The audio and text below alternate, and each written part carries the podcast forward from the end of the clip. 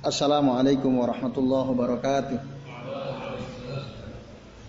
Innal hamdalillah nahmaduhu wa nasta'inuhu wa nastaghfiruh wa na'udzu billahi min syururi anfusina wa min sayyiati a'malina may yahdihillahu fala mudhillalah wa may yudlilhu fala hadiyalah. Asyhadu an la ilaha illallah wahdahu la syarikalah wa asyhadu anna Muhammadan abduhu wa rasuluh. Allahumma salli wa sallim wa barik ala Muhammad wa ala ali Muhammad kama sallaita wa barakta ala Ibrahim wa ala ali Ibrahim fil alamin innaka Hamidum Majid. Amma ba'du ikhwas sekalian, a'azani Allah wa iyyakum ajmain. Alhamdulillah pada malam hari ini atas izin Allah kita bisa berjumpa kembali ya setelah tadi dikatakan Mas Yoyo libur ya kira-kira dua bulan. Bismillah pada malam ini kita bisa melanjutkan lagi yang insya Allah tinggal sedikit lagi ya tinggal beberapa halaman lagi ngaji kitab uh, Hilyatu Talibil Ilm ya karya saya Bakar Abdullah bin Abu Zaid ya. Baik mari kita buka halaman 94 ya. Poin yang ke-46 tentang at-tahalli bil amal ya, berhias dengan amal. Nah, pada pembahasan poin yang ke-46 ini ya, dikatakan kemuliaan para ulama. Maksudnya berhias dengan kemuliaan para ulama. Jadi di antara adab tolib itu adalah dia berusaha untuk at-tahalli bi'izzati al ulama, menghiasi dirinya dengan kemuliaan para ulama. Maka dikatakan at-tahalli bi'izzatil ulama siyanatul ilmi wa ta'zimuhu wa himayatu janaba izzatihi wa. Jadi berhias dengan kemuliaan para ulama itu adalah menjaga ilmu dan keagungan ilmu. Menjaga sisi kemuliaan ilmu dan menghormati ilmu. Maka sejauh kita berusaha ya untuk memuliakan ilmu, mengamalkan ilmu, maka seperti itulah ya kadar kemuliaan kita dan seberapa besar kelalaian kita terhadap ilmu maka seperti itulah ya, kita akan ya, terjauhkan dari ilmu ya atau kemuliaan para ulama akan luput dari kita. Nah itu ya. Jadi sekalian kita duduk di majelis ilmu seperti ini adalah bagian daripada proses litolabil ilm ya untuk menuntut ilmu. Semakin kita memuliakan ilmu, semakin kita jaga keagungan ilmu, maka semakin kemuliaan ulama akan kita genggam. Tapi sebaliknya, semakin kita lalai dari ilmu, maka kemuliaan ulama akan luput dari kita. La haula wala quwata illa billahil azizil hakim. Tidak ada uh, usaha dan tidak ada kekuatan kecuali dengan izin Allah yang maha al-aziz ya, yang maha perkasa, al-hakim dan maha bijaksana. Nah ini paragraf pertama dari Syekh Bakar bin Abdullah Abu Zaid ya, hafizahullah taala atau rahimahullah. Jadi saya kira jelas ya ikhlas kalian jadi kalau kita ingin menggenggam derajat ulama, kemuliaan ulama, maka jagalah kemuliaan ilmu. Semakin kita jaga kemuliaan ilmu, semakin kita jaga keagungan ilmu, semakin kemuliaan ulama akan kita dapatkan ya. Kemudian wa alaihi fahzar ayyatam ayyatamandala bikal kubara aw yamtatika as-sufaha. Patul uh, patulayinu fi fatwa au qada'in au bahsin au khitabin. Wala tas'abihi ila ahli dunia maka hati-hatilah ya. Setiap kita harus hati-hati. Jangan sampai kita menjadi alat cuci tangan para pembesar para penguasa. Jangan sampai ya kita menjadi kendaraan ya, orang-orang bodoh sufaha jadi kita orang berilmu tapi dimanfaatkan oleh orang-orang bodoh, oleh para pembesar. Akhirnya apa yang terjadi? Kita jadi lunak dalam berfatwa. Kita lunak dalam memberi keputusan, kita jadi lunak dalam menyampaikannya sesuatu yang sebenarnya nggak boleh tapi kita karena tunduk pada penguasa, tunduk pada orang-orang bodoh, jadi kita bilang oh boleh dan seterusnya. Nah saya kira fenomena ini terjadi ya di tengah-tengah kita sekarang ini ya misalnya ya fenomena kayak misalnya menjatuhkan seorang tokoh gitu ya. Lalu ada tokoh agama karena mungkin uang, karena dibayar, dia mau ngikutin perintah pejabat gitu ya. Atau orang yang punya koneksi ke pejabat untuk menjatuhkan ya salah satu tokoh misalnya. Yang mungkin kalau antum baca berita tahu kan yang demo belum lama itu loh mendukung salah satu capres itu. Nah, itu kan ya ada tokoh-tokoh, ada ustadz di situ itu ya, yang ikut. Ya mungkin karena dia tunduk pada pejabat ya, pada kekuasaan, karena ada uang, akhirnya dia melakukan kebohongan, melakukan kebohongan. Bahkan tadi menggunakan apa embel-embel atau atas nama organisasi tertentu tanpa hak, tanpa hak. Nah, nah itu orang yang seperti itu maka dia tidak akan mendapatkan kemuliaan para ulama. Karena dia sudah melacurkan dirinya. Gitu. Dia sudah mengikuti pembesar atau pejabat dan orang-orang bodoh yang punya kepentingan. Yang mungkin mereka punya dana gitu ya. Nauzubillah, semua nauzubillah ya. Kita berlindung kepada Allah dari keadaan seperti itu ya sekalian. Nah, itu ada yang seperti itu. Bahkan belum lama yang beritanya ramai juga hari ini ada deklarasi ya dukungan kepada salah satu calon. Kan ternyata dalangnya ketemu gitu. Ada ketahuan di salah satu akun medsos ya yang sangat kritis itu dia menganalisa dan ketemu oh ternyata pelakunya itu salah satu tokoh penting di salah satu ormas gitu. Nah kan ilmunya jadi nggak nggak jalan gitu ya. Mungkin dalam rangka tadi dia tunduk pada penguasa ya, pada para pembesar, para pejabat tertentu dan mungkin juga tunduk pada dunia. Dengan begitu dia akan mendapatkan imbalan dunia misalnya. Sehingga ilmu yang dia punya, ilmu yang dia sudah pelajari itu dia tidak muliakan. Nah ini ya ikhlas kalian itu maka dia jadi lunak ya. Sesuatu yang harusnya tidak boleh jadi boleh. Sesuatu yang harusnya haram, ya, nipu orang kan haram atau bikin apa trik gitu ya untuk menjatuhkan salah satu calon gitu ya. Kalau dalam konteks politik yang kita amati ini itu kan tidak boleh kotor gitu ya permainan kotor. Bahkan cenderung mengadu domba kaum muslimin ya. Misalnya ada bendera bendera merah putih, terus ada bendera yang konon katanya itu bendera salah satu ormas ya.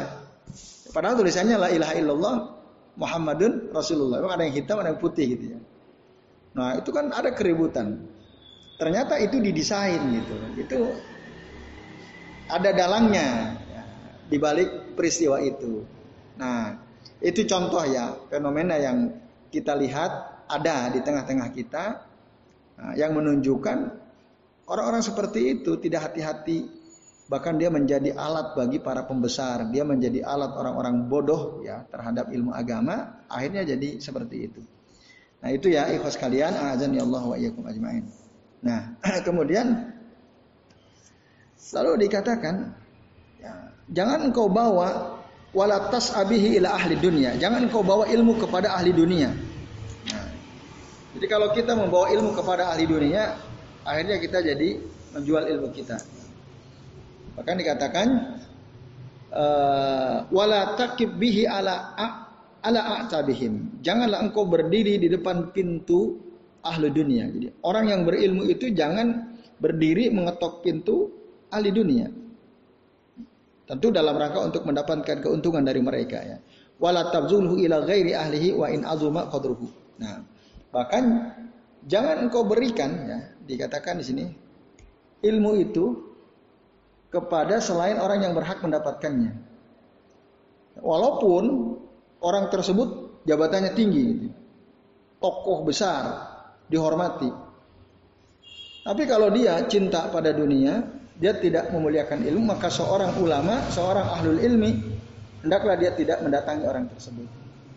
Nah, ini ya, ikhlas kalian, azan ya Allah wa karena nanti pengaruhnya pengaruh buruknya luar biasa.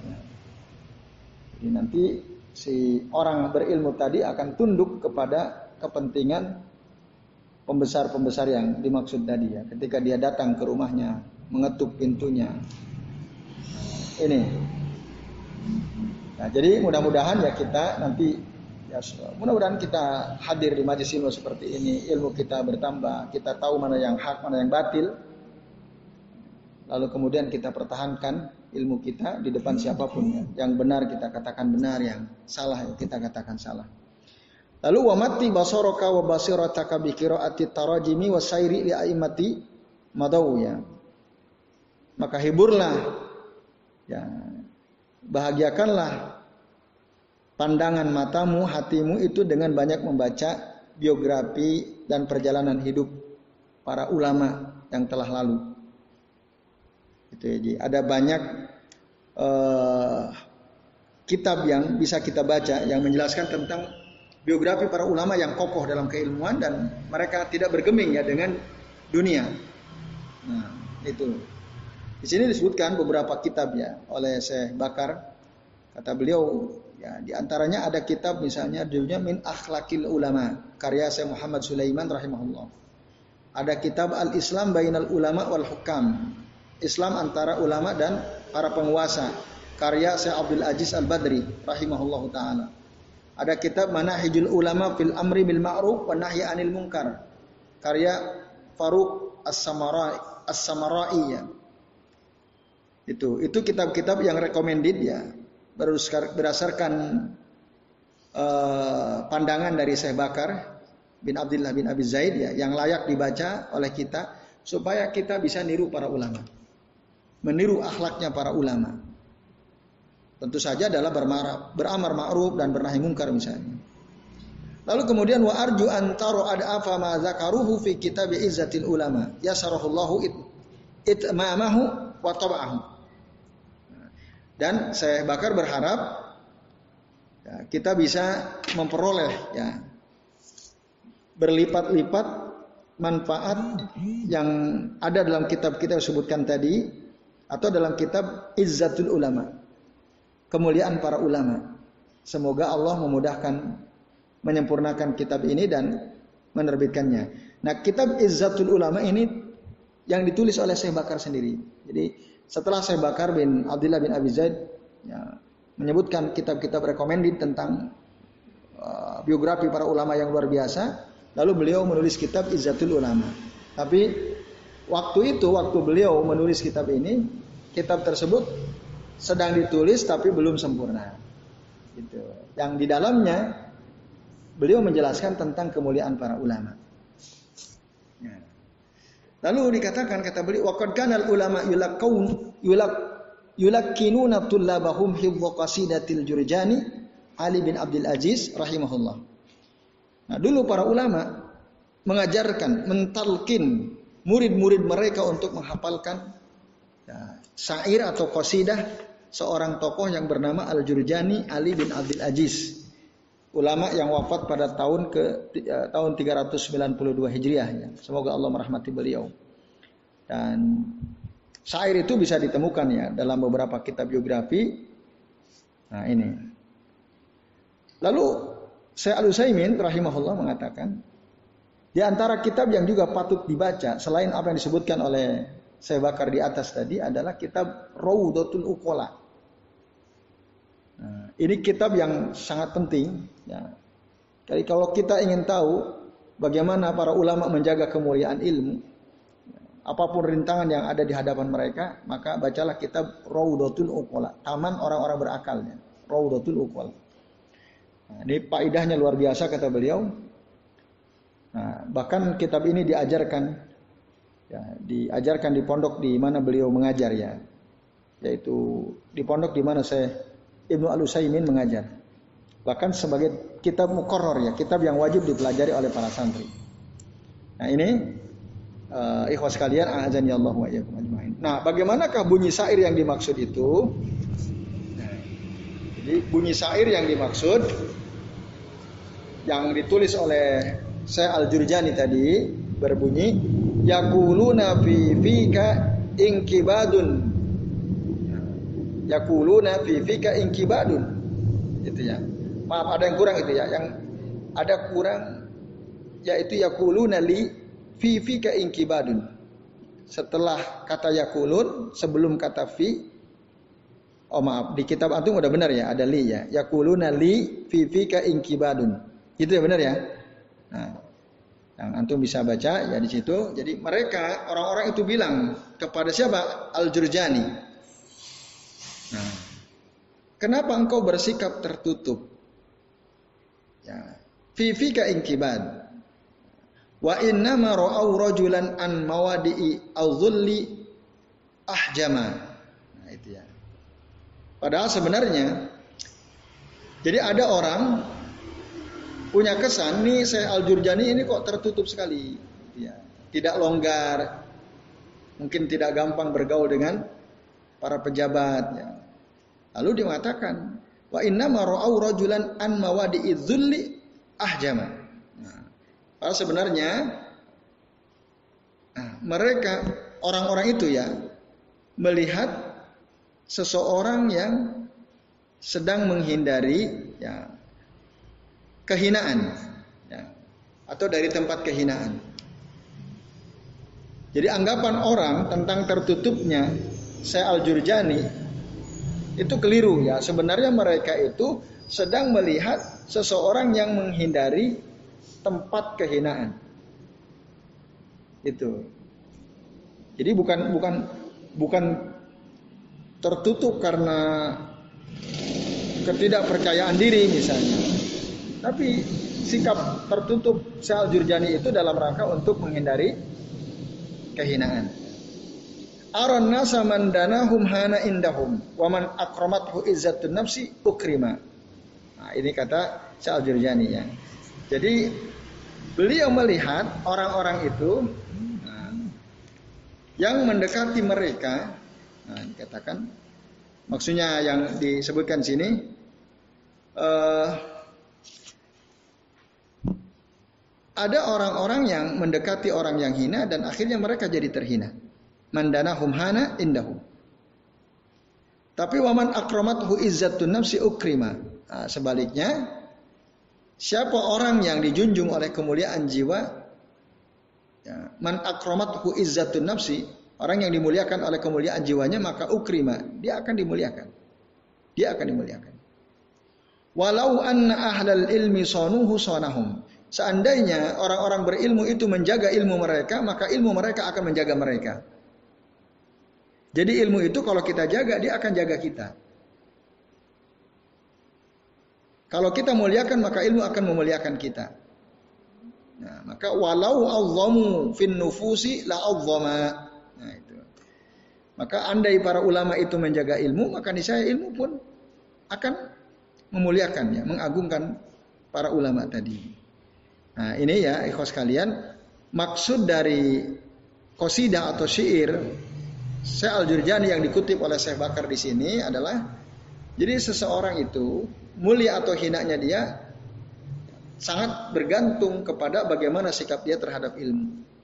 Semakin dia memuliakan ilmunya, dia akan dimuliakan oleh ilmunya. Semakin dia menjaga ilmunya, dia akan dijaga oleh ilmunya. Semakin dia mengagungkan ilmunya, dia akan diagungkan oleh ilmunya.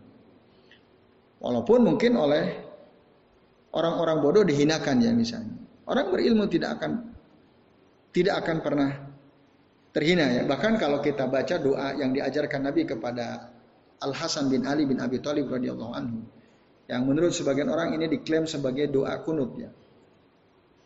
Kan ada Allahumma hdina, Allahumma hdini fiman hadait wa afini fiman afait wa tawallani fiman tawallait wa barik li fima atait wa kini birah wa kini syarra ma qadait fa innaka taqdi wa la yuqdu alaik fa innahu nah ada kata-kata fa innahu la yadhillu man walait wa la yaizu man adait nah itu di antara kalimat yang termaktub dalam doa yang diajarkan Rasul kepada cucunya Hasan bin Ali atau kepada Abdullah bin Abbas atau Anas bin Malik kalau tidak keliru ya. Jadi sebenarnya doa ini diajarkan kepada beberapa orang sahabat beliau. Yang orang lalu mengatakan, oh ini katanya doa kunut sholat witir. Ada mengatakan ini doa kunut sholat subuh. Tapi sebenarnya ini doa yang bisa kita baca kapan saja. Nah ada kata fa innahu la yadhillu man walait. Sesungguhnya tidaklah mungkin akan terhina orang yang engkau tolong. Orang yang memuliakan ilmu Allah pasti akan dapat pertolongan Allah. Tidak mungkin ada orang yang bisa menghinakan orang tersebut. Wala yazillu man walait. Itu. Jadi teman sekalian ya, kita kalau betul-betul memuliakan ilmu, memuliakan ilmu Allah, memuliakan sunnah Rasul, ya, tentu saja mengamalkan di dalamnya, itu akan dapat pertolongan Allah. Kalau kita mendapat pertolongan Allah, dihina-dina kita oleh banyak orang bodoh, kita, tidak tidak akan terhina. Ya saya kira ada contoh lah yang di, di, di dekat kita gitu ya. Bagaimana orang dihinakan, dipenjarakan, di fitnah macam-macam kan itu. Apakah dia terhina di hadapan orang banyak? Tidak kan? Justru orang malah menganggap dia sebagai imam gitu ya. Itu itu bukti. Kalau lurus ya berusaha berpegang teguh kepada ilmu. Seberapapun usaha orang untuk menghinakan dia justru yang terbalik adalah bukan bukan terhina tapi dia justru mendapatkan kemuliaan. Nah, ini ya sekalian. Nah, sebaliknya orang yang ngejar-ngejar dunia ya dia gadaikan ilmunya, Rasul sudah menjelaskannya dalam satu hadis yang sahih. Dalam riwayat Ibnu Majah ya kata Rasul beliau mengatakan begini. Nah, Bapak ikhwas sekalian azan ya Allah kata beliau Taisa abdu dinar wa abdu dirham wa abdul khamisah. Taisa wan takas wa idza sika takas Binasalah orang yang menghambakan dirinya kepada dinar kepada dirham atau kepada kain sutra yang bagus. Artinya binasalah orang yang menghambakan dirinya kepada dunia. Binasa dia. Wantakas dan keadaannya akan senantiasa terbalik. Wa idza falan takas. Jadi kalau dia tertusuk duri, itu nggak akan pernah bisa dicabut durinya, sakit terus. Maksudnya ya ikhwas kalian ini hadis sahih dikeluarkan dalam Sunan Ibnu Majah, disahkan oleh Al-Albani. Maksudnya orang yang ngejar dunia itu dia pasti binasa. Dia pasti akan binasa. Taisa. Dia berharap A, dia berharap bahagia yang ada justru dia sengsara. Itu. Taisa wan takas itu gitu. Kata Nabi, Taisa wan takasa. Wan takasa. Kembali terus keadaannya. Dia ingin menikmati hidup yang terjadi justru dia tidak bisa menikmati hidup. Dia ingin kaya, yang terjadi justru dia jadi kere gitu. Jadi tidak berkah, ya, tidak berkah. Itu kalau yang dikejar oleh seseorang adalah du, dunia lalu dia gadaikan ilmunya. Nah ini penjelasan tambahan ya ikhwas kalian, azan ya Allah wa iyyakum ajmain. Nah, oleh karenanya kalau kita ya, sedang mencari ilmu, ingin mendapatkan kemuliaan para ulama, berpegang teguhlah kepada ilmu. Apa yang ilmu katakan tidak, maka kita katakan tidak. Apa yang dikatakan, misalnya dalam Al-Quran, dalam Sunnah. Kalau dalam Al-Quran dikatakan ini haram, dalam Sunnah ini dikatakan haram, ya kita harus katakan itu. Jangan gara-gara kita ingin dapat dukungan suatu komunitas, lalu apa yang dilarang Quran kita katakan enggak apa-apa, boleh. Karena dia ingin dapat dukungan dari komunitas. Misalnya, konkret aja, LGBT misalnya. Ya kan? Mereka suatu komunitas yang mungkin jumlahnya juga tidak sedikit ya. Bahkan saya lihat di informasi dari medsos itu ya ada tempat-tempat kumpul mereka ya. Bahkan ketahuan di Jakarta itu ya, ada tempat kongko nongkrong mereka. Jadi udah banyak. Bahkan kalau kita ikuti berita dunia, ya, beberapa negara mengharuskan klub-klub sepak bola, bahkan para pemain sepak bola, nomor punggung baju kaosnya itu pakai warna pelangi kan, sebagai support terhadap LGBT kan. Nah, walaupun saya baca ada seorang pemain muslim dia nggak mau. Nah ini bagus, dipecat pecah saja, dia nggak mau. Dia nggak mau mendukung ya, suatu tindakan yang tak bermoral gitu. Ketika dipaksa dia harus pakai kaos yang nomor punggungnya warna-warni warna-warni sebagai lambang LGBT itu dia nggak mau. Tapi di negeri kita ada seorang tokoh justru seakan-akan dia memberikan support gitu. Ketika ada bendera di salah satu kedutaan besar di negeri kita ini memasang bendera sebagai support terhadap LGBT, lalu si tokoh ini dia memberikan dukungan, ya, memberikan dukungan. Nah, padahal tentu ya namanya tokoh ya, apalagi dia dari kalangan pesantren harusnya ngerti bahwa LGBT itu haram. Nah, tapi dia justru mendukung gitu. Dia tidak apa-apa kata dia. Nah ini ya contoh ikhwas kalian dalam kehidupan kita ada orang-orang yang tidak memuliakan ilmu. Gitu. Dia tidak memuliakan Quran, tidak memuliakan Sunnah. Yang dalam Quran, dalam Sunnah tidak boleh, dia bilang malah tidak masalah. Kurang lebih seperti itu. Nah ini ya ikhwas kalian, azan ya Allah wa Nah, kemudian berikutnya poin yang ke-47 nah, menjaga ilmu ya. Menjaga ilmu. Ya siyanatul ilmi ya. Nah, dikatakan kata saya bakar in balagta mansiban fatazakkar anna hablal wasli ilaihi talabuka lil ilmi. Jadi kalau ada di antara kita mendapatkan kedudukan mulia, terhormat gitulah. Maka ingatlah ya, sesuatu yang menghubungkan kamu kepada kedudukan itu, yang membawa kamu sampai kepada kedudukan tersebut. Yaitu kegiatan menuntut ilmu.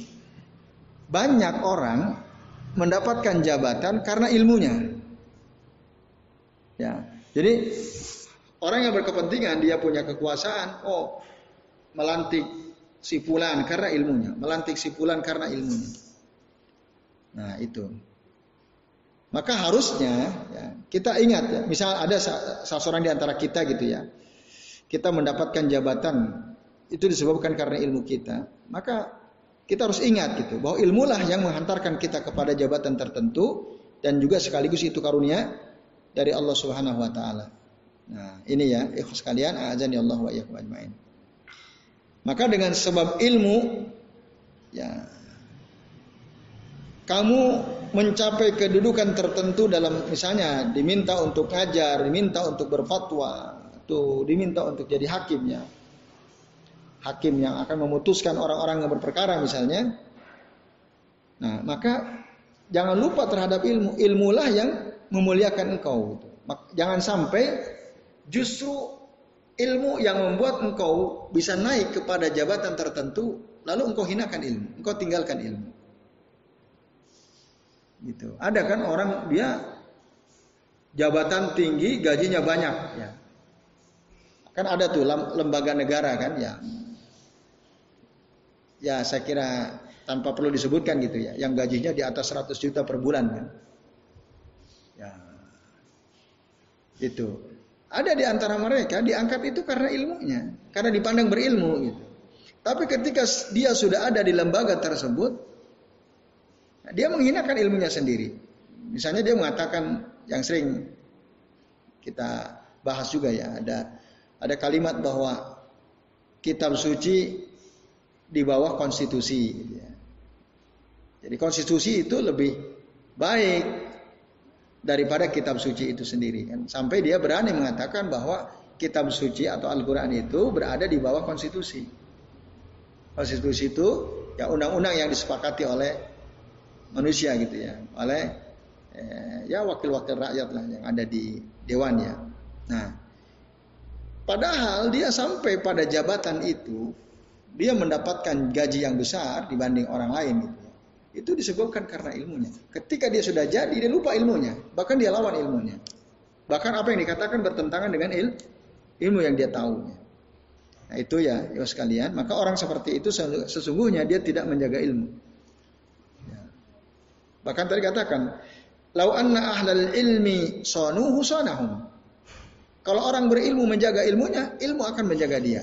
Tapi sebaliknya kalau ada orang berilmu tidak menjaga ilmunya, ilmunya tidak akan menjaga menjaga dia. Nah, ini ya ya sekalian azan ya Allah wa iyyakum Nah, terus ada kalimat penting di, di sini. Uh, wahzar maslaka man la yarjuna lillahi waqara. Nah, ini kalimat penting ini. Wahzar maslaka man la yarjuna lillahi waqara. Alladzina yaj'aluna al-asasa hifdzal mansabi fayatuna alsinatahum an qaulil haqqi wa yahmiluhum hubbal wilayati ala al-mujarah ini ya. Jadi hindarilah perilaku orang-orang yang tidak memahami kemuliaan Allah. Yang menganggap hal mendasar bagi mereka adalah mempertahankan jabatan. Nah, hindari perilaku seperti ini. Maka orang yang dia kejar jabatan, mempertahankan jabatan, mereka akan yatwuna alsinatahum an qaulil haq, akan melipat lidah mereka untuk mereka berkata yang benar, untuk menyatakan yang benar. Jadi tidak bisa lagi ngomong yang benar. Saya kira banyak lah tokohnya. Waktu dia belum jadi pejabat, wah ngomongnya kayaknya benar terus. Pas udah jadi pejabat, keluh lidahnya. Terlipat, nggak bisa ngomong. nggak bisa menyatakan kebenaran. Nah maka orang seperti ini sesungguhnya tidak menjaga ilmu. Ya. Maka hati-hati ya dari sikap seperti ini. Nah ini ya ikhlas kalian. Nah lalu dikatakan ya wa yahmiluhum hubbul wilayati ala al-mujarah kecintaan mereka terhadap kekuasaan, terhadap jabatan menyebabkan atau membuat mereka suka berkompromi. Al-mujarah itu berkompromi dengan kebatilan. Itu bahaya tuh ya. Benar, sebenarnya ini batil. Tapi karena dia suka jabatan, dia suka dunia, ya yusra popo, boleh ini, boleh nggak ada masalah. Nah itu hati-hati tuh sikap seperti itu ya. Jadi bersikap muja mujarat bil abatil. Karena yang kita kejar adalah mempertahankan du, dunia atau mempertahankan jabatan. Nah, ini naudzubillah summa naudzubillah ya ikhwas kalian. Nah, lalu kemudian falzam rahimakallah al muhafadzata ala qimatika bihifzi dinika wa ilmika wa sarafi nafsika bihikmati dirayatin wa husni siyasah ihfadillah yahfaduka ihfadillah firroho yahfaduka fi syiddat. Ini hadis dari Nabi SAW. Jadi kata saya bakar, hendaklah engkau selalu menjaga dirimu. Ya. Al-muhafadhu ala kimatika. Menjaga harga dirimu. Menjaga agamamu. Menjaga ilmumu. Menjaga kemuliaan dirimu. Bihikmatin wa dirayatin wa husni siyah wasiyasatin. Nah, ini ya. Dengan kebijaksanaan, dengan ilmu, dengan pengaturan sikap yang baik. Ya. Berdasarkan hadis Nabi SAW, Nabi pernah bersabda, ihfadillah yahfaduka. Jaga Allah, Allah akan menjagamu. Ihfadillah firroho yahfaduka fi asyiddati. Jagalah Allah saat kau dalam keadaan lapang, maka Allah akan menjaga engkau dalam keadaan susah, dalam keadaan sulit. Jadi kalau ada orang dia mendapatkan kelapangan, dapat jabatan, gajinya besar, lalu dia tidak jaga Allah, tidak jaga syariat-syariat Allah. Nah, orang yang begini ada nggak kira-kira? Ada. Nah, maka Allah tidak akan jaga, tidak akan jaga dia. Jadi kalau kita ingin dijaga oleh Allah, kita ingin ditolong oleh Allah dalam keadaan sulit, maka jagalah Allah dalam keadaan ketika kita lapang. Itu pesan yang ingin disampaikan ya dalam paragraf ini. Ikhlas kalian, azan ya Allah wa ajma'in. Maka kata Nabi memang kita disuruh untuk menjaga Allah Subhanahu wa taala. Nah, lalu ya sekalian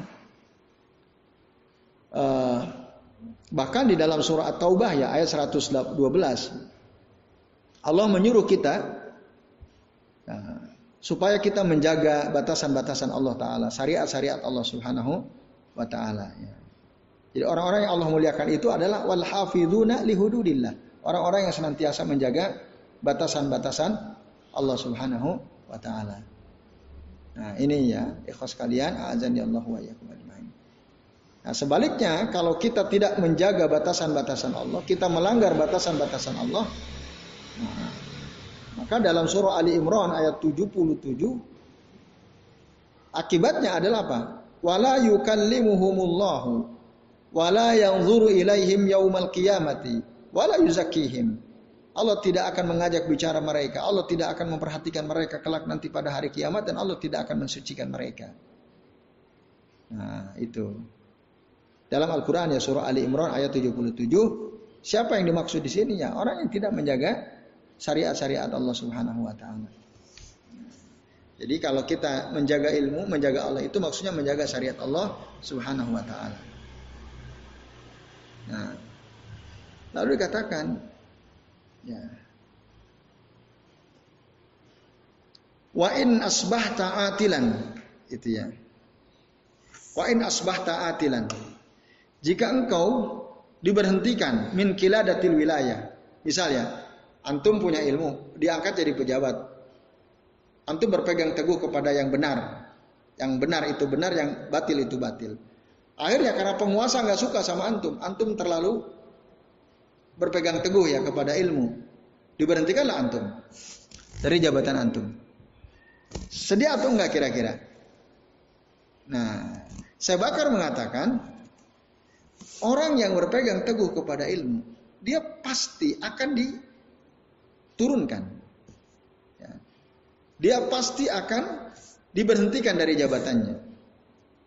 Orang yang kritis gitu ya, selalu berusaha benar, sementara misalnya penguasa nggak benar.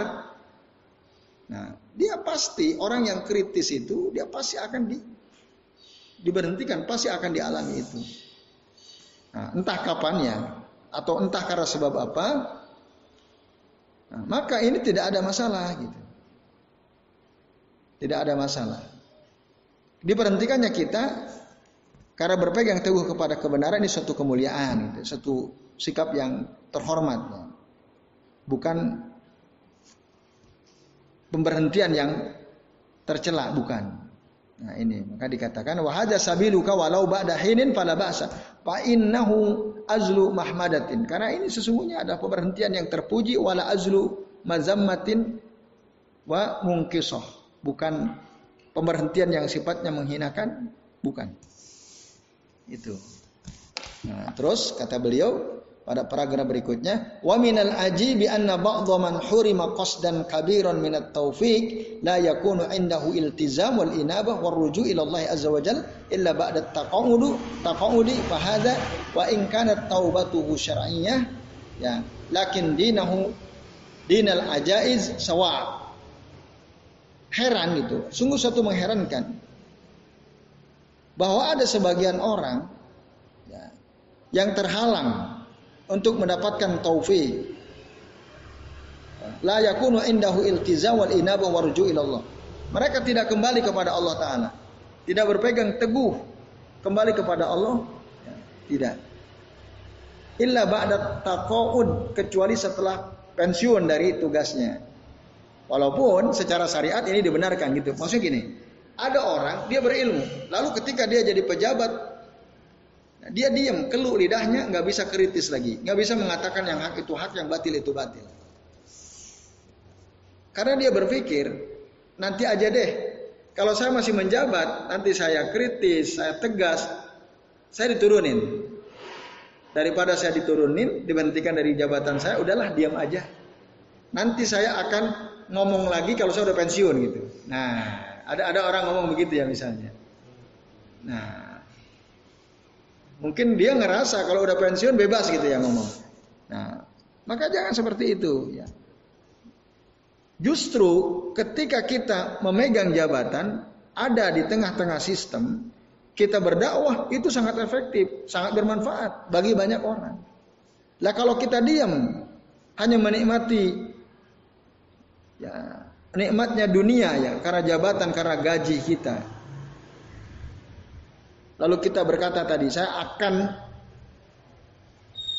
kembali lagi ya kalau nanti saya sudah pensiun gitu ya.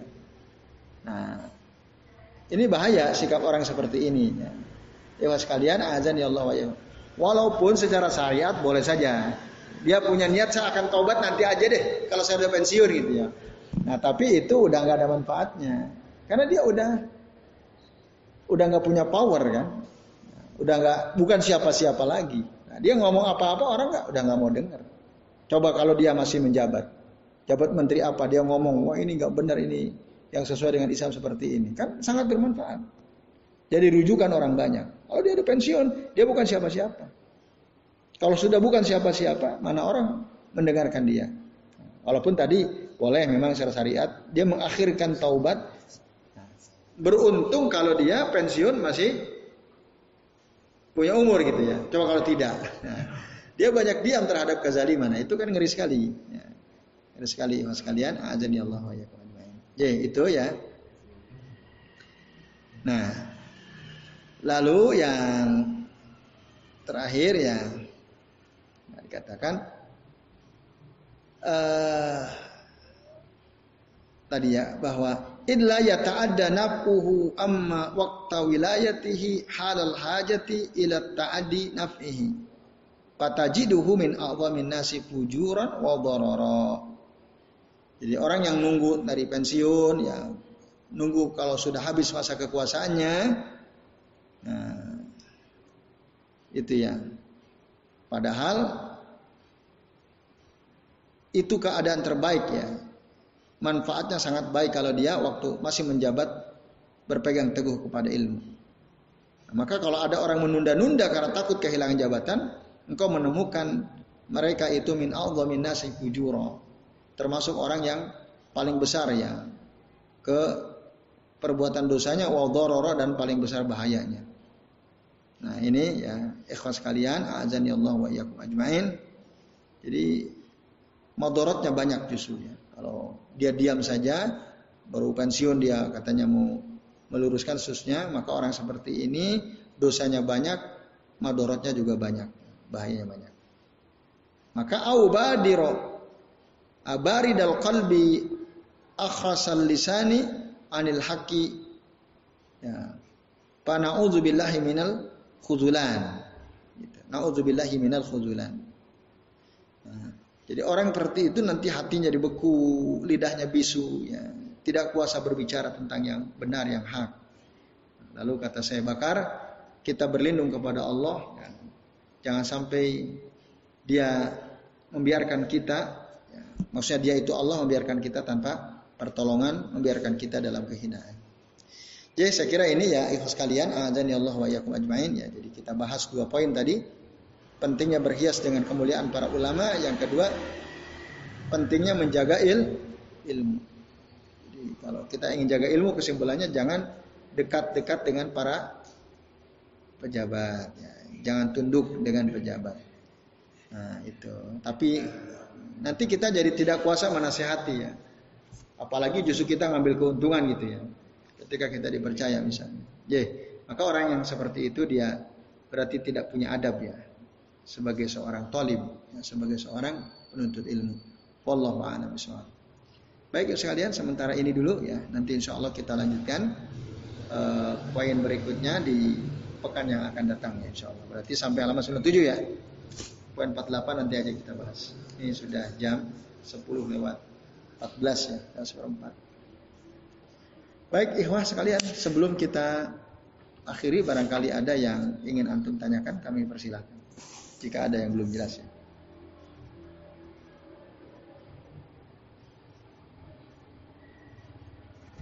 Baik, nampaknya sudah jelas ya, saya kira. Alhamdulillah ya.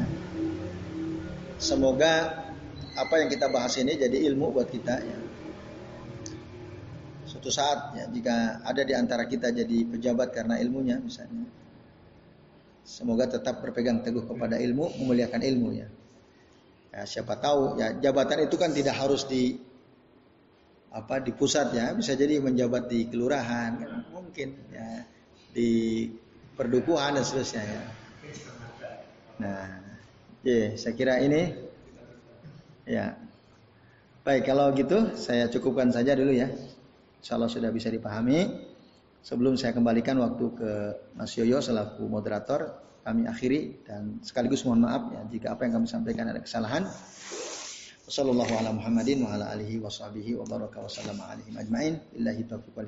Wassalamualaikum warahmatullahi wabarakatuh.